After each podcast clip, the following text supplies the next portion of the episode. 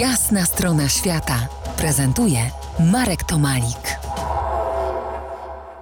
Gościem jasnej strony świata Gosia Zdziechowska, polska doktor Doolittle, autorka książek dla dzieci, w tym tej ostatniej, której tytuł Moi dzicy przyjaciele.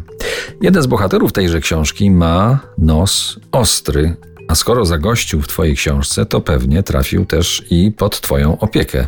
A było to na zielonej ścieżce La Senda Verde.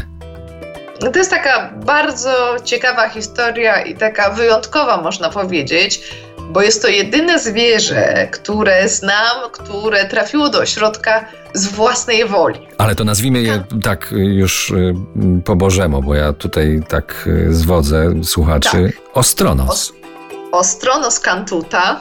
Kantuta była dzikim ostronosem i któregoś pięknego dnia przyszła sobie do ośrodka La Sanda Verde w Boliwii. Zobaczyła, że tam jest jedzenie, dlatego że tam, yy, tam jest 900, obecnie jest 900 zwierząt 68 gatunków, między innymi żółwie, więc to jedzenie jest położone w różnych częściach, żeby te zwierzaki mogły jeść. No i Kantuta wyjadała y, jedzonko żółwiom i była przeszczęśliwa. Chodziła sobie wolno po tym ośrodku. Więc Wiki, właścicielka ośrodka, kiedy, kiedy to zauważyła, dowiedziała się o tym, poprosiła mnie, żebym ja zaczęła ją karmić, po to, żeby właśnie ona nie wyjadała y, jedzenia żółwiom, tylko żeby jadła to, co ona mogłaby jeść, jaką miała dietę, więc ja zawsze jej przynosiłam różne owoce, y, serek biały, no i jajeczko. I jajko ona uwielbiała i ja zawsze to jajko gdzieś tam zostawiałam na koniec, żeby, żeby jej dać to, to najlepsze na koniec. I ona się tak nauczyła spryciara, że wiedziała, że, że mam to jajko dla niej, więc ona zaczęła wchodzić na mnie, szukać tego jajka i zawsze chciała jajko jako pierwsze.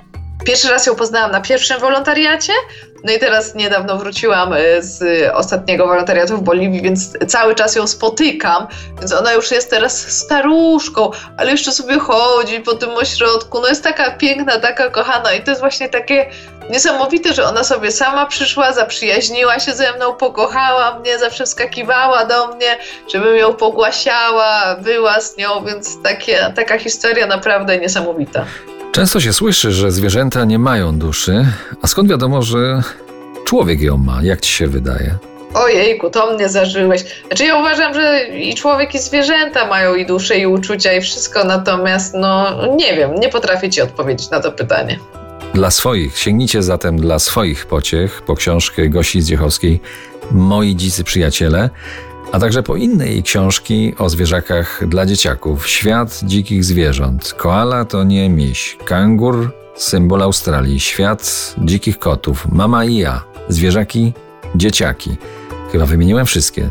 365 dni e, z życia dzikich tak. zwierząt. I jeszcze zwierzaki podróżniczki Gosi.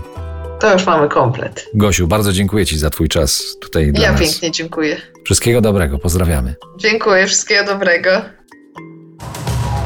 Była jasna strona świata w RMF Classic. Ale to nie koniec, bo jeszcze niespodzianka.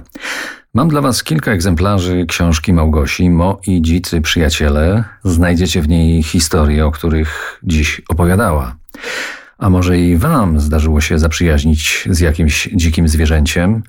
Może sarną, może, może z jeżem? Opiszcie to i wyślijcie na adres redakcja małpka rmfclassic pisane razem.pl nagrodzimy najciekawsze opisy.